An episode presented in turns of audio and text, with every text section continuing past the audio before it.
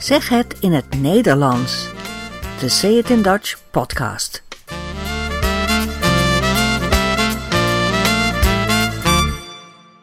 Nummer 21. Welkom bij deze podcast. In deze aflevering praten we over Rotterdam, de grootste haven, het bombardement van 1940 en de Erasmusbrug.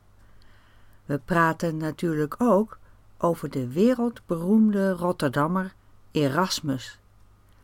Het mediafragment gaat over vlinders in Nederland. Veel plezier bij deze 21ste aflevering van Zeg het in het Nederlands. Het is april. Binnenkort is het Pasen. Daarover hebben we in podcast nummer 3 gesproken. Dus als je meer wilt weten over dit voorjaarsfeest, moet je naar de derde aflevering luisteren. April is ook de maand van Koningsdag. Ook daarover spraken we al eerder in podcast aflevering 7.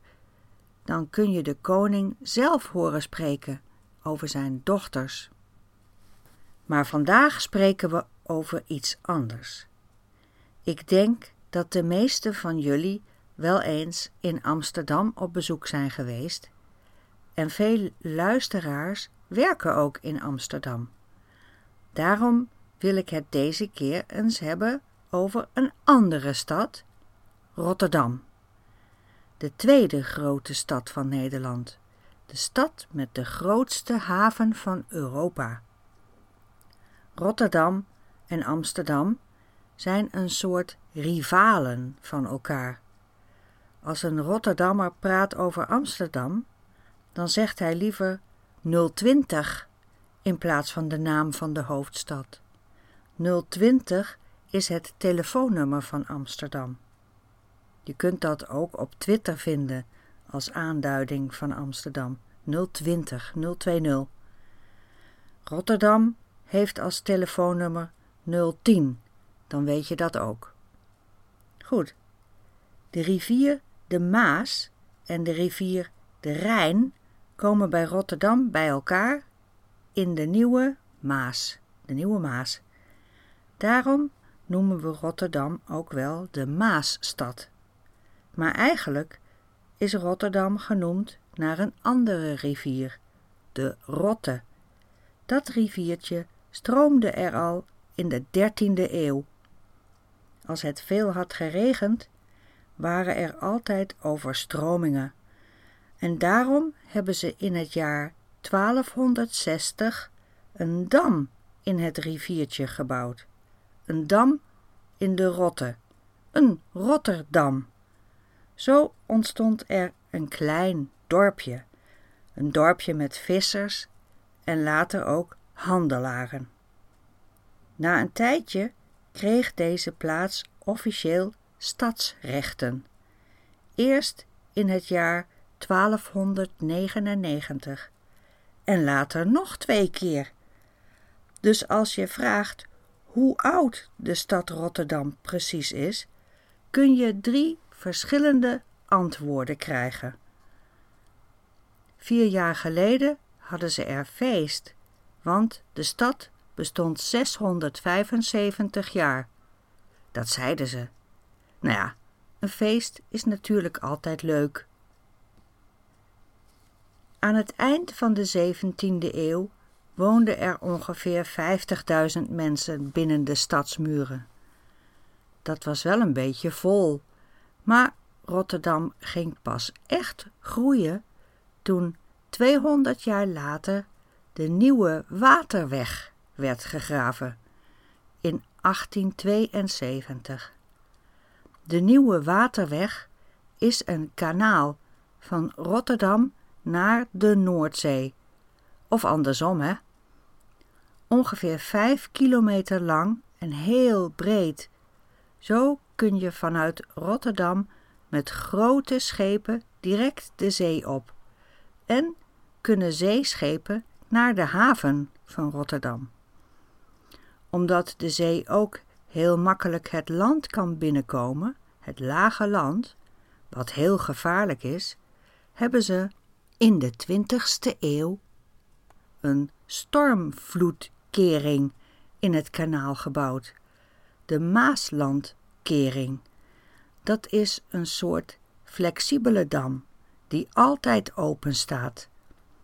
Maar als het stormt en er hoog water is, dan kunnen ze hem sluiten. Dan draaien de grote deuren dicht. Het is een enorm grote metalen constructie, want het kanaal is echt breed. Je moet de Maaslandkering zeker eens bezoeken. Het is een geweldig technisch project uit de 20ste eeuw waar Nederland heel trots op is.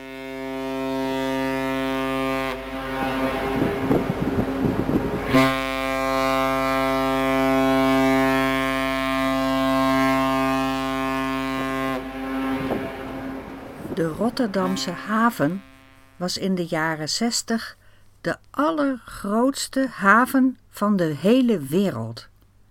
Later kwamen er grotere havens in China en Zuid-Korea en Australië, maar Rotterdam staat nog steeds in de top 5 van de grootste havens ter wereld en is nu in elk geval de grootste haven van Europa. Het havengebied is 42 kilometer lang. De haven verwerkt bijna 470 miljoen ton goederen per jaar. Per jaar komen er 30.000 zeeschepen in de haven en ook nog eens 120.000 binnenschepen. Een binnenschip is een schip dat in het binnenland vaart, op de rivieren en de kanalen.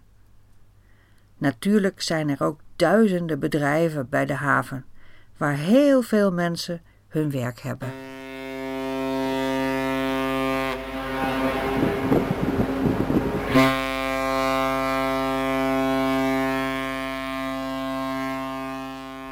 Maar Rotterdam heeft ook een andere geschiedenis.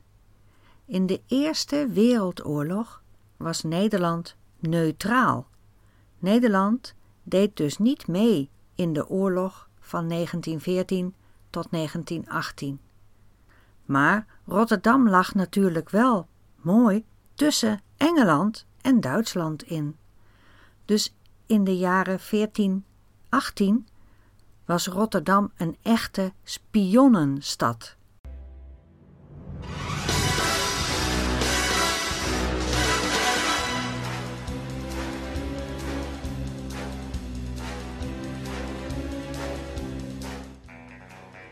Rotterdam werd zelfs het grootste spionagecentrum ter wereld.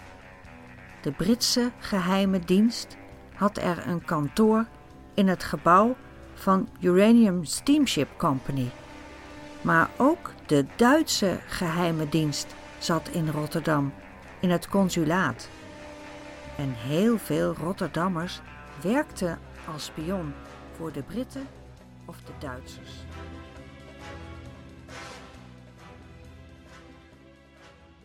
In de Tweede Wereldoorlog kwam Nederland wel in gevecht, maar dat duurde niet zo lang een paar dagen maar. Van 10 tot 14 mei vochten ze aan de grens.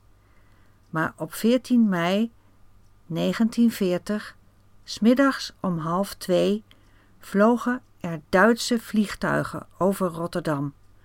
Zij gooiden 15 minuten lang bommen op het centrum van de stad. En hierdoor ontstond een grote stadsbrand.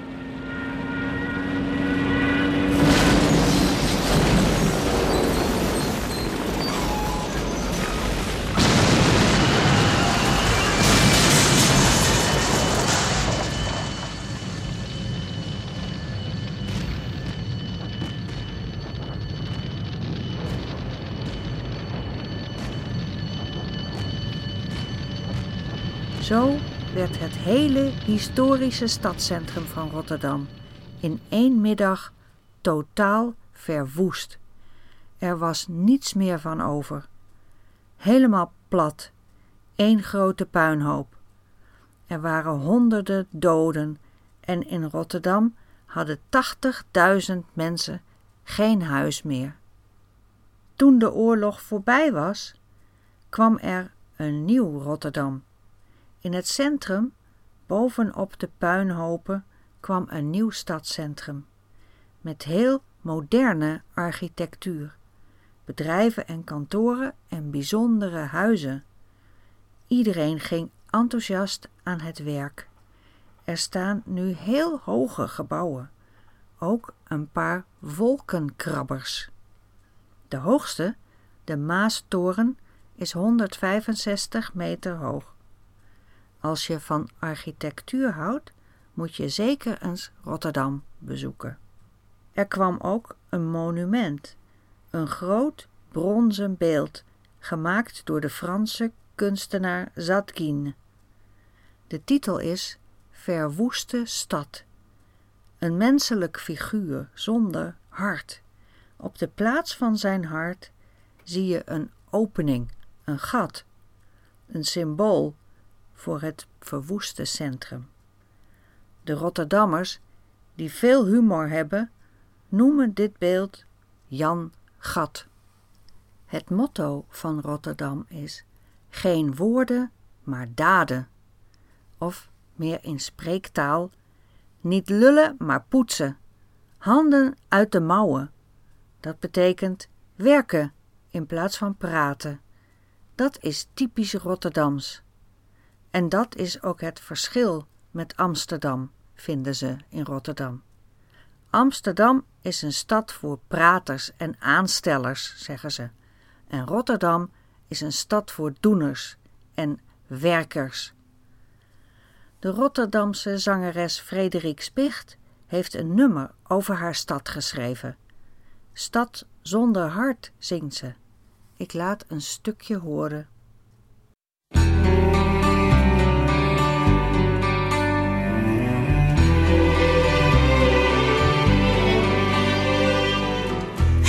Huizen hoog, een grijze mast, het wakend oog op ons gericht. Zo'n schone beeld van deze stad, alsof zij van binnenuit wordt verlicht. Een zwaan die rust, het wiegen nimmer staakt, daar de god der zee bij haar zijn roes uitslaapt. Rotterdam, gestolen schat. Rotterdam, stad zonder hart. Rotterdam, gestolen. Frederik zingt over een zwaan. De zwaan, dat is de bijnaam van de beroemde Erasmusbrug.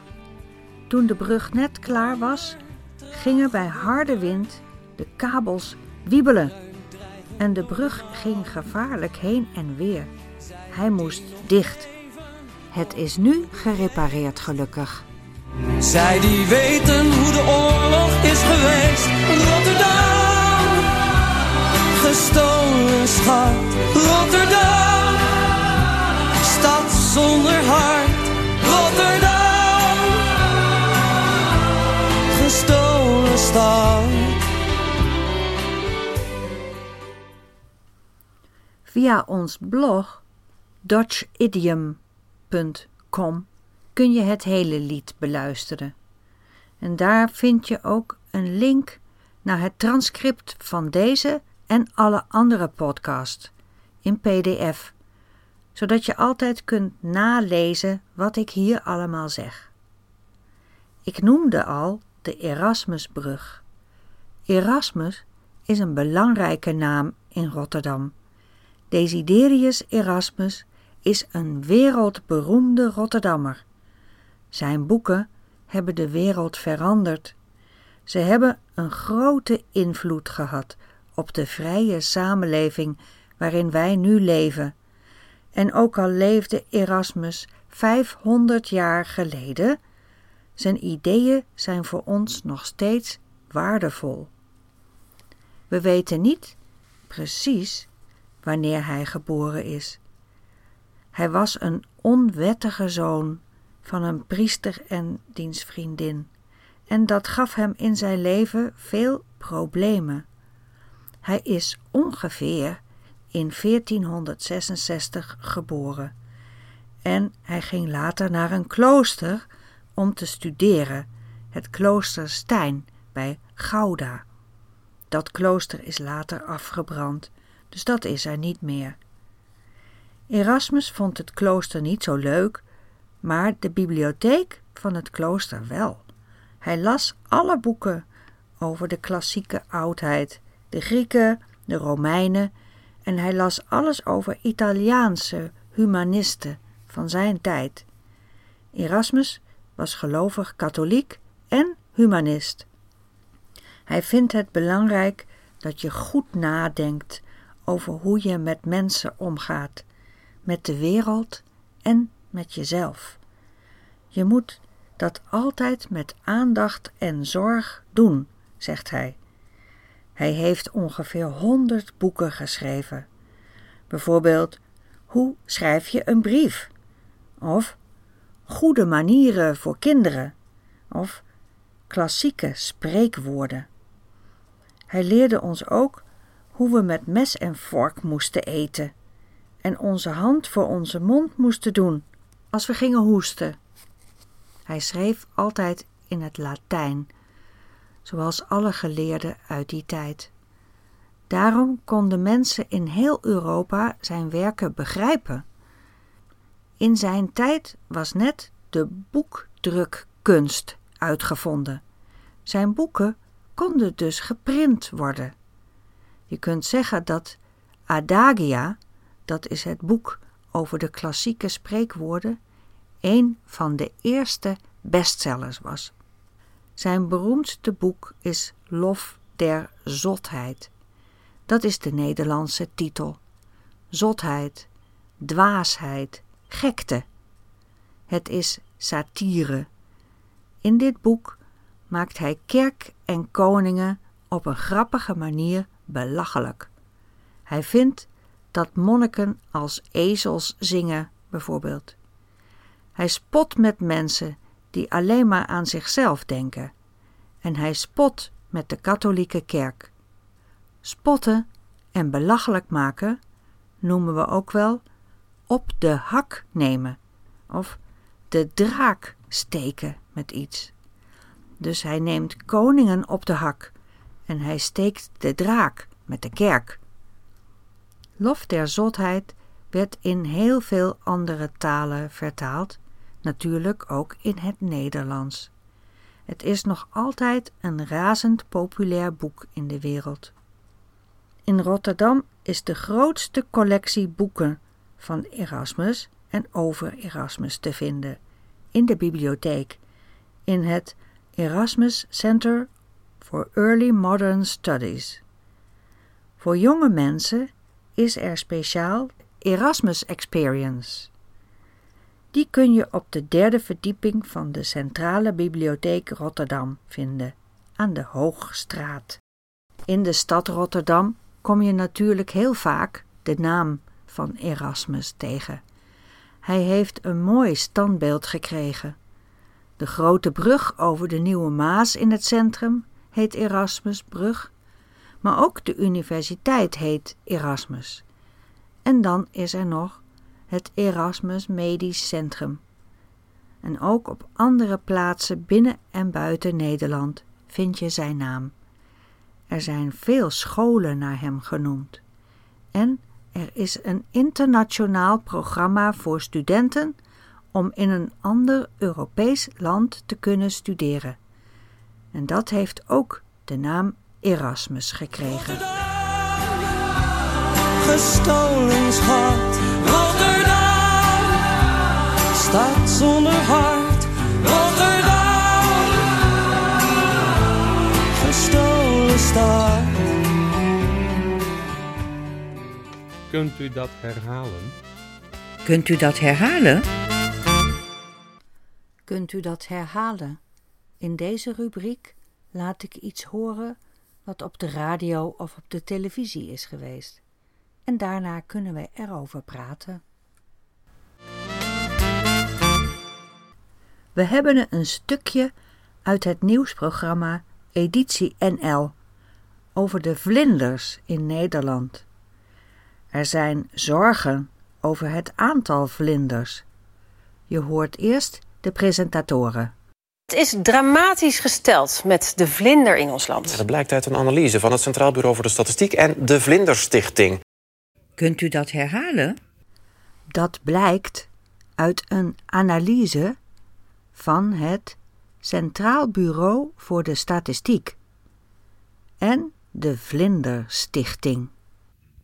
Zij telde het aantal vlinders tussen 1890 en 2017.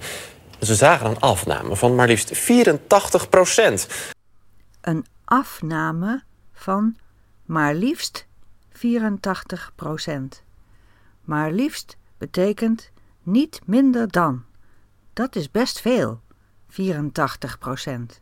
En afname betekent dat het minder wordt tegenover toename. Afname, toename. Een afname van maar liefst 84 procent. 15 vlindersoorten zijn zelfs helemaal verdwenen uit Nederland. Zoals de grote ijsvogelvlinder en ook de rode vuurvlinder. En veel andere soorten staan op het punt van uitsterven. Hij noemt twee soorten vlinders: de grote ijsvogelvlinder en een andere soort is de rode vuurvlinder. En daarna zegt hij: andere soorten staan op het punt van uitsterven. Op het punt staan betekent je gaat snel beginnen. En uitsterven, ja, dan houdt de soort op, dan bestaat de soort niet meer, dan is de soort uitgestorven. Hierna gebruikt de presentatrice twee keer het woord nauwelijks. Dat betekent bijna niet. Maar ze zegt het heel snel. Nauwelijks. Nauwelijks. Nou, Nederland is zo volgebouwd dat er nauwelijks nog ruimte is voor vlinders. En ook landbouwgebied wordt zo intensief gebruikt dat er nauwelijks meer bloemen groeien. Maar er is hoop. Zelfs als je in de stad woont, zijn er dingen die je kunt doen om de vlinder te redden.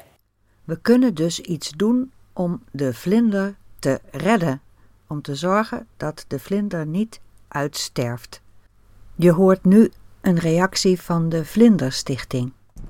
De conclusies zijn heel alarmerend. Ik wist dat het slecht ging met de vlinders. Maar we hebben nu door het CBS en de Vlinderstichting laten berekenen... dat er 84% van de vlinders is verdwenen. En dat is echt heel veel. Daar ben ik zelf ook echt van geschrokken. Het CBS, dat is de afkorting voor Centraal Bureau voor de Statistiek. Ze hebben laten berekenen dat er nu 84% van de vlinders is verdwenen. Is weg. Dat is echt heel veel, zegt hij. Amazonica, de prachtige tropische vlindertuin in Diergaarde Blijdorp. Laurens-Jan Nederlof wijst op de oorzaken van het verdwijnen van de vlinder. De oorzaken. Hoe komt het dat de vlinder verdwijnt? Wat veroorzaakt het verdwijnen van de vlinder? We horen de man van de tropische vlindertuin in Diergaarde Blijdorp. In de dierentuin Blijdorp. Eigenlijk het verdwijnen, het, het versnipperen van hun leefgebieden, de vermesting, verzuring, allemaal dat soort thema's zorgen ervoor dat vlinders in aantallen achteruit gaan. Het leefgebied is kleiner geworden. Er is te veel mest. Uh, de grond is te zuur. Dat zijn thema's die zorgen dat de vlinder het moeilijk heeft. En er is nog een oorzaak: verstedelijking. Natuurlijk, Nederland is verstedelijkt, geen land meer van ontelbare graslandjes met bloemen. Maar of je nou een tuin of een balkon hebt, we kunnen meehelpen om de vlinderstand wat op te krikken en te blijven genieten van de vlinder. Om de vlinderstand wat op te krikken. Opkrikken betekent een beetje hoger maken. Zoals je met een auto doet als de band kapot is, als je de band moet verwisselen. Opkrikken. Je hoort een paar tips Als je een tuin hebt, zorg dat er bloemen zijn. Bloeiende planten, van vroeg in het jaar tot laat in het jaar. Tegenwoordig bij heel veel tuincentra kun je echt vlinderbloemen krijgen. Onbespoten natuurlijk, want anders dan, uh, ben je ze aan het vermoorden. Bij heel veel tuincentra kun je echt vlinderbloemen krijgen. Onbespoten natuurlijk, want anders ben je ze aan het vermoorden. Onbespoten betekent geen gif, geen bestrijdingsmiddelen, geen chemie, onbespoten. Want anders ben je ze aan het vermoorden. Anders maak je ze dood. Bloemen planten en inzaaien helpt dus echt. Maar je kunt nog meer doen om echt een bijdrage te leveren aan de vlinderstand. Maar als je echt vlinders in je tuin wil, dan moet je ook de rupsen in je tuin willen hebben. Dan moet je ook de rupsen in je tuin willen hebben. Een rups is een, ja, een baby van een vlinder. En die eet heel veel planten. Dus de meeste mensen houden niet van rupsen. En die zitten vaak op brandnetels, onkruiden en eigenlijk planten die niet zo populair zijn. En als je dan voor elkaar krijgt om een uh, vlinderpopulatie in je tuin te hebben, ja, dan lever je wel een bijdrage aan de vlinderstand. Hoogste tijd om in actie te komen, want voor je het weet is hij verdwenen. We zijn aan het einde gekomen van deze podcast. Hopelijk heb je ervan genoten en hopelijk heb je ook een beetje geleerd. Mocht je vragen hebben of uh, reactie willen geven, stuur dan een e-mail naar en kijk op ons blog dutchidiom.com. Daar vind je meer informatie over deze podcast. Tot ziens!